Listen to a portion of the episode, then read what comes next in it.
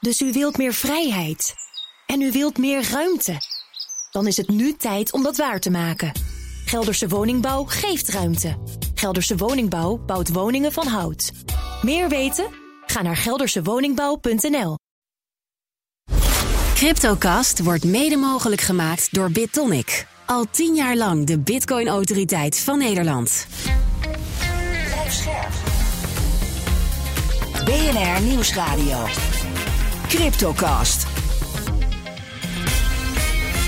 Herbert Blankenstein. Welkom bij de CryptoCast. Met vandaag uit een balans van FTX blijkt dat de klanten samen een tegoed hadden van 80.000 bitcoin, maar dat FTX die helemaal niet in bezit had. En cryptobezitters verhuizen hun munten massaal van de beurzen naar eigen wallets. Dit is nummer 246 van de CryptoCast met een half uur crypto nieuws op de radio. Daarna gaan we door als podcast waarin we ook praten over het drama rond FTX, want daar is genoeg over te melden. Met vandaag de gasten, ja wie is de co-host, wie is de gast hier eigenlijk, ik weet het niet, Bert Slachter en Peter Slachter. Allebei analisten bij Bitcoin Alpha. Hallo, welkom. Yes, Dag, goedemiddag. Hey. Wij geven geen beleggingsadvies. Vorm je eigen mening, maak je eigen keuzes. Geef ons niet de schuld. Want eh, als je het nog niet door had, crypto kan lucratief zijn, maar is ook wel eens riskant. Oké, nieuws. De gevallen crypto-exchange FTX kampt één dag voor zijn faillissement met ernstige liquiditeitsproblemen. Kampte één dag enzovoorts. Eh, en de Financial Times publiceerde de balans van het bedrijf. Mogelijk gedeeld door oprichter Sam Bankman-Fried. Dat weten we niet zeker. Maar Bert, wat eh, staat er zoal op die balans en wat staat er niet op?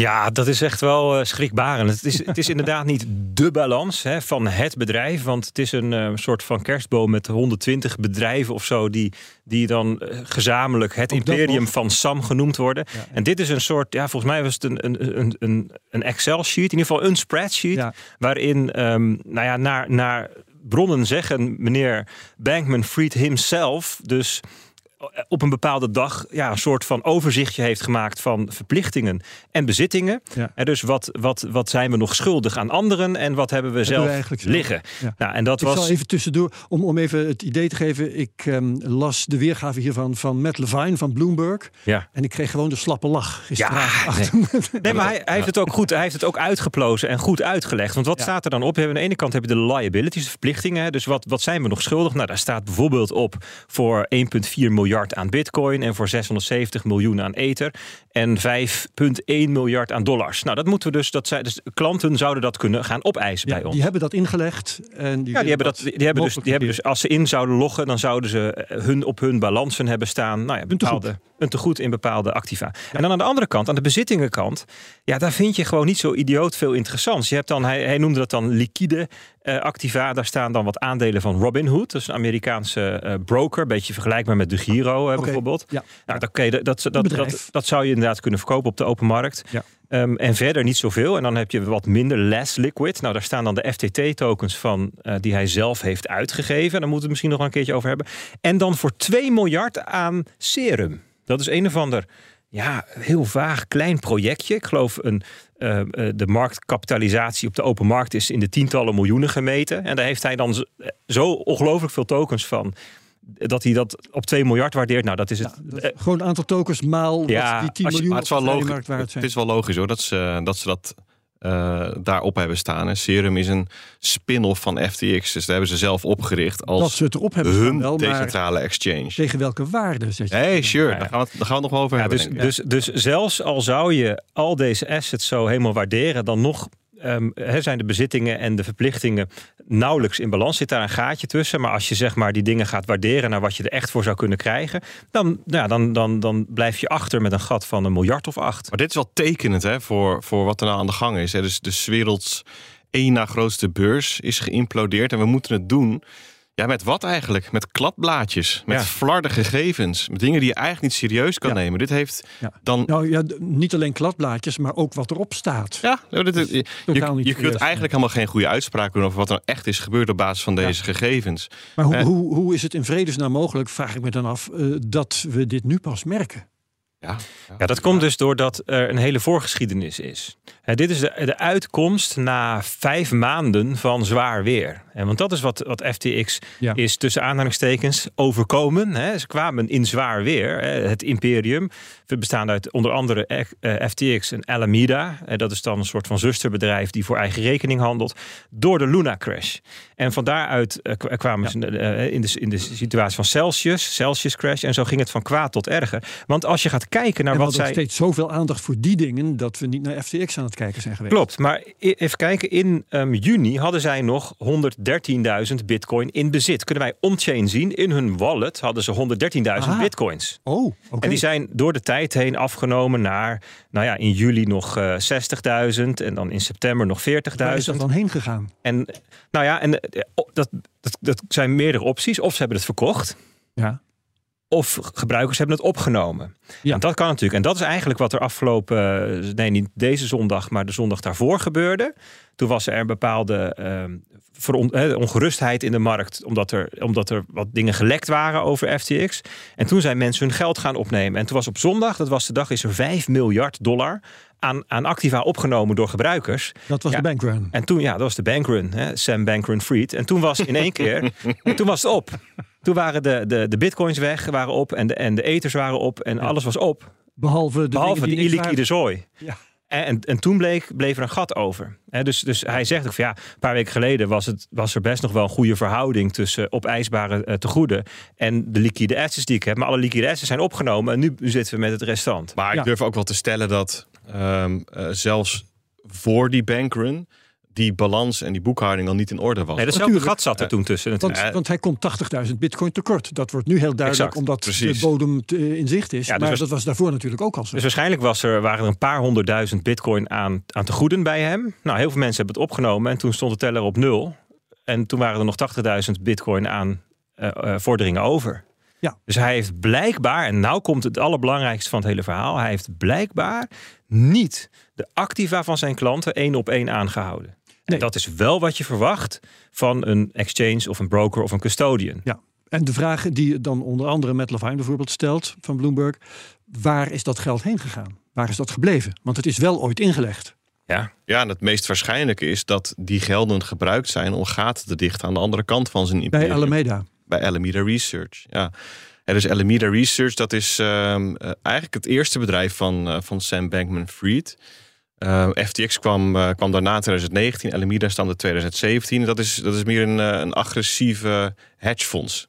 En die nemen heel veel risico, risicovolle handelsstrategieën, hebben posities ingenomen in andere bedrijven enzovoort. Gaan we het straks in de podcast denk ik uitgebreid Zeker. Hè, En daar is een en ander misgegaan. Heel erg misgegaan. Zodanig dat er gaten ontstonden die gedicht moesten worden. En dat is het punt waarop kennelijk ehm, iemand bij FTX, en dan ga ik er even van uit dat dat Sam Bankman-Fried was geweest, besloten heeft, we gaan die gaten dichten met klantengoeden. In de hoop dat het daarna goed komt. Ja, Weet je, als de markt daar lucht van krijgt, dan staat iedereen aan de deur om te redden wat er te redden valt. Hij heeft trouwens ook met geld gesmeten in de richting van die andere bedrijven in moeilijkheden. Ja. Voyager en, en BlockFi en dergelijke. Klopt. Ja. Daar is misschien ook het nodige. Nou, is nog niet eens, het is er niet allemaal heen gegaan, want die zitten nu opnieuw in moeilijkheden omdat Ja, nou, daar is omgegaan. er worden twee redenen genoemd. De eerste is eh, dat ze die opkochten eh, om zichzelf te redden. Want ze hebben namelijk zelf ook weer zijn ze afhankelijk van het bestaan van die bedrijf vanwege de schulden en Ah ja, de leningen die Allemaal onder elkaar verweven. verweven, zijn. Ja.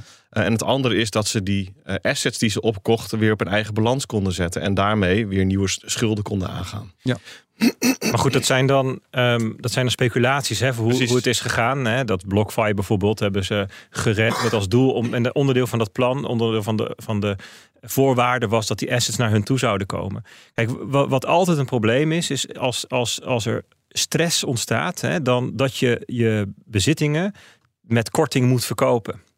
En dat is eigenlijk wat hij wilde voorkomen. Hij, wilde op een of andere manier ergens liquide assets zien te vinden, zodat hij niet per se zijn illiquide assets tegen korting moest verkopen. Dus dat is vermoedelijk een patroon wat dan door de tijd heen is gebeurd. Dus een mogelijke eh, ehm, eh, ja, weet je, eh, eh, verklaring van wat hier is gebeurd is dat FTX eigenlijk de laatste ehm, ehm, eh, eh, stuk is van de waterval van Luna. Dus je had de Terra Luna crash in eh, begin mei.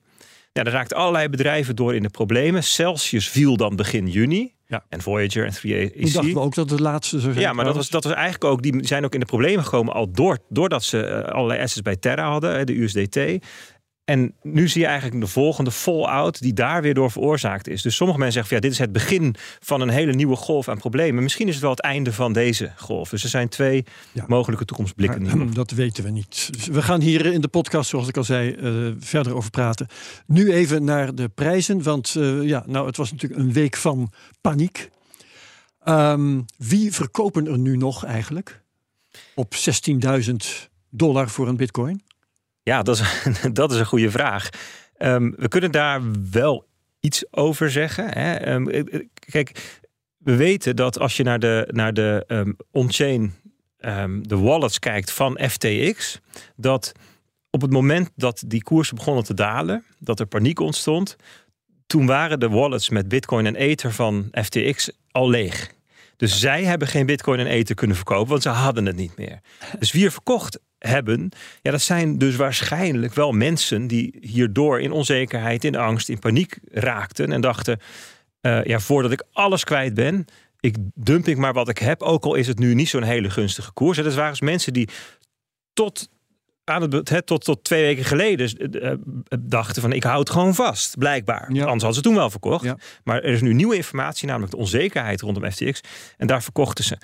Ehm, ja, dat heeft nu voor. Maar geen heel duidelijk herkenbare partijen. Want soms ben jij heel specifiek, maar nu ben je meer aan het raden, heb ik de indruk. Nou ja, kijk, wat je wel kunt zien, ehm, en je kunt on-chain zien ehm, welke eh, groepen mensen Ja. eh, ehm, eh, eh, zeg maar hun posities toe en afnemen. En dus dus de bitcoin die al één jaar of langer vaststaat, dat zijn dus, je zou kunnen zeggen, mensen die al een jaar lang op hun bitcoin zitten, dat percentage is niet aan het afnemen. Nee, en de whales, hè, de, de grote jongens, zijn vrolijk aan het kopen. Exact. Dus, dus het, zijn, het zijn niet de hodlers die in paniek raken. Die houden gewoon vast. Dus het zijn mensen die op exchanges hun spullen hadden staan. En daar, daar verkopen. Dat is, dat is zo'n klein dingetje wat je dan wel kunt En zeggen. misschien partijen die met geleend geld hebben gekocht. Hoe zit het eigenlijk met eh, MicroStrategy bijvoorbeeld? Dat op een gegeven moment eh, 250 miljoen of daaromtrent heeft Ja. geleend en daar bitcoin van heeft gekocht. Eh, komt de, hun, de grens al in zicht waaronder zij moeten gaan verkopen? Nee, kijk, ze, ze hebben een, een x aantal bitcoin als onderpand gegeven voor die lening. Eh, puur op basis van die bitcoin eh, ligt ehm, het liquidatieniveau ja, ergens rond de 10.000 of zo dollar. Alleen ze zouden de rest van de bitcoin ook als onderpand kunnen inbrengen. En daarvan heeft Michael Saylor ook gezegd dat ga ik doen als dat nodig is. En dan zou het liquidatieniveau pas op 3000 dollar liggen. Hmm. Dus Michael Saylor is echt nog. lang niet in de problemen. Nee. Ehm, dus dat is niet, niet de eerstvolgende.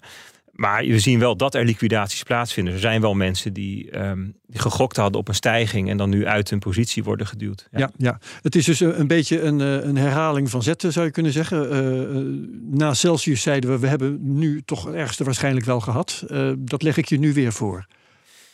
Ja, ze- zeg het maar. Kijk, nee, daar kom je Nee. hier. Nee, kijk, het- er is natuurlijk wel ehm, nu een bepaalde ehm, zoektocht naar waar is het, wat is wel veilig en wat niet. Dat is er Ja. ontstaan. Hè? Dus je ziet nu dat ehm, eigenlijk elke partij wordt opnieuw tegen het licht gehouden.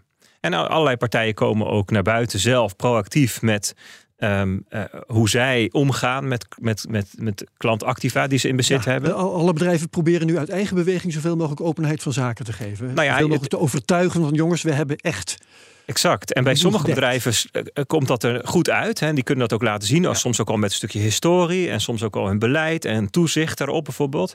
Ehm, en bij andere partijen ziet dat er een beetje wankel uit. Ja. En die komen dan wel met een soort van half bewijs. En En dan ze voelen zich in er elk geval gedwongen. Dat is eh, goed nieuws. Exact. Maar je, kijk, er is dus wel een zoektocht van de markt.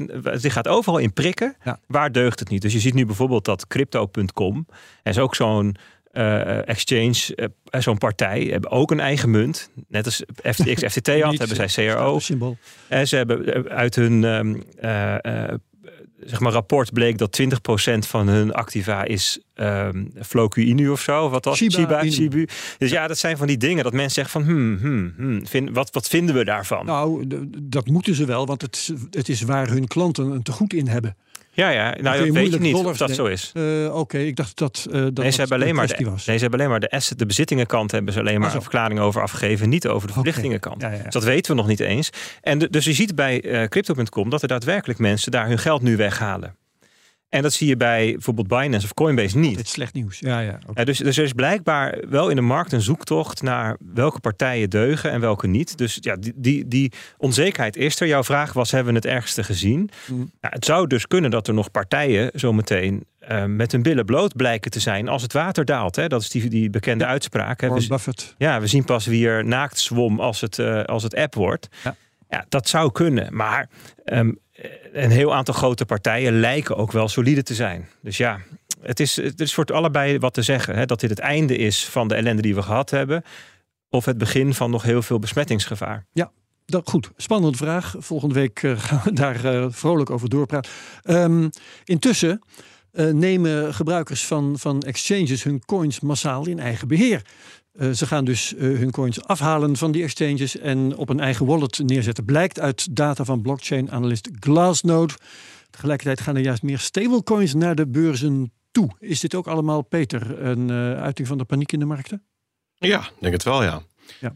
Het is de, de, die outflow van exchanges, zoals dat dan genoemd wordt, hè, die is wel naar een, eh, een hoogtepunt gestegen. Het Week wordt op. zelfs aangeraden door CZ, de, de baas van Binance. Die Ja, kijk, het is ook niet gek dat dat een zijn reactie is. klanten, neem het in eigen Ja. beheer.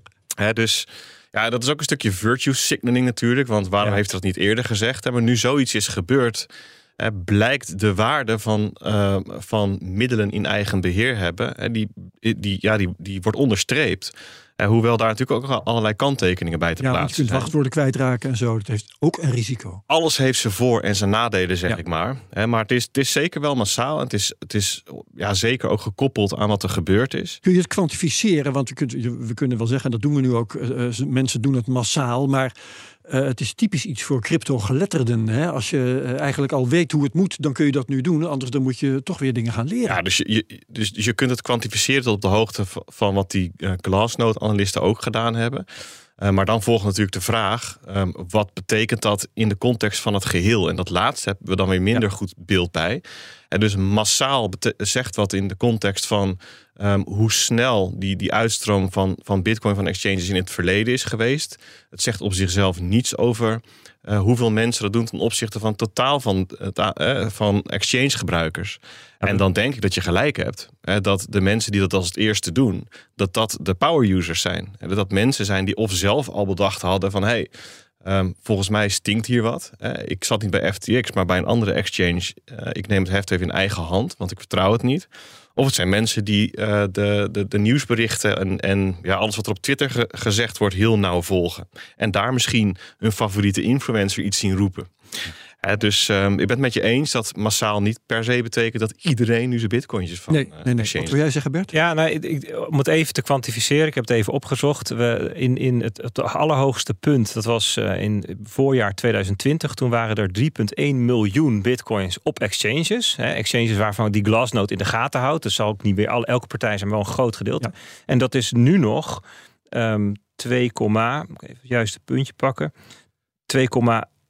2,3 miljoen. Dus dat is 800.000 minder. En daar, waarvan 100.000 de afgelopen week. Dus dat is wel echt, echt een significante stap. Ja, een kwart er vanaf. Ja, alleen dus ook nog 2,3 miljoen die wel bij partijen ondergebracht is. Ja. Eh, dus het is, dat is een beetje de, de, het kwantificeren. Ja, en, en wil je dit veiliger maken, dan moeten we denk ik twee, aan twee dingen sleutelen. Enerzijds de, de, eh, moet het makkelijker en, en, en veiliger en handiger gemaakt worden om het zelf in beheer te nemen. Dat is dus een soort technologische vooruitgang. Zowel in de techniek van de blockchain als techniek van de wallets en dergelijke daaromheen. En tweede is, dat als je het toch bij een partij neerlegt, want er zijn soms goede redenen voor.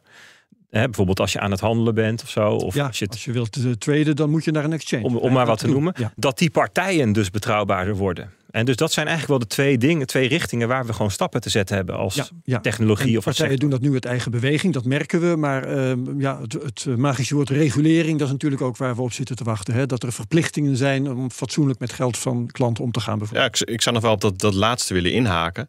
Ik zou dan als tip willen meegeven: haal gewoon je cryptovermogen naar Nederland toe. Hè, Als je ervoor, Nederlandse bedrijven ja, bedoel je. als je ervoor kiest hè, om het eh, uit handen te geven, dat opslaan. Dat is één van de twee manieren. En eh, eh, doe het dan bij een Nederlandse partij. Waarom Dat zouden die betrouwbaarder dat zijn? is geen dan- garantie Nee. hè, dat daar niets misgaat. Maar als het dan misgaat, dan bevind je in ieder geval de Nederlandse jurisdictie. In je eigen taal. Het is makkelijk te volgen. Ja. Eh, je valt je onder, onder het Nederlands recht. voor de deur? Nou ja, alleen dat je onder het Nederlands recht valt, kan, Ja. kan, kan in je voordeel werken. En het Amerikaanse. Ja, het is maar de vraag waar jij dan in de rij staat van alle schuldeisers. Dus ehm, eh, ik denk dat dat voor mensen die, eh, die een cryptovermogen hebben, voor, voor, voor grote en kleine vermogens, zijn gewoon partijen in Nederland die je daarvoor kunt gebruiken. Ja, Ehm, Martijn Wismeijer is hier een keer geweest. Hij werkt voor eh, General Bytes, de fabrikant van, van eh, Bitcoin geldautomaten. Vaste klant hier, vaste gast. Hij heeft een keer verteld over de Proof of Keys Day, 3 januari. Dat eh, iedereen zoveel mogelijk zijn eh, coins voor één dag moet weghalen van de beurs, zodat Ja. we gedwongen zijn. Gecoördineerde bankrun Hoe, eigenlijk. ja, hoe denken jullie daarover? Ja, goed idee.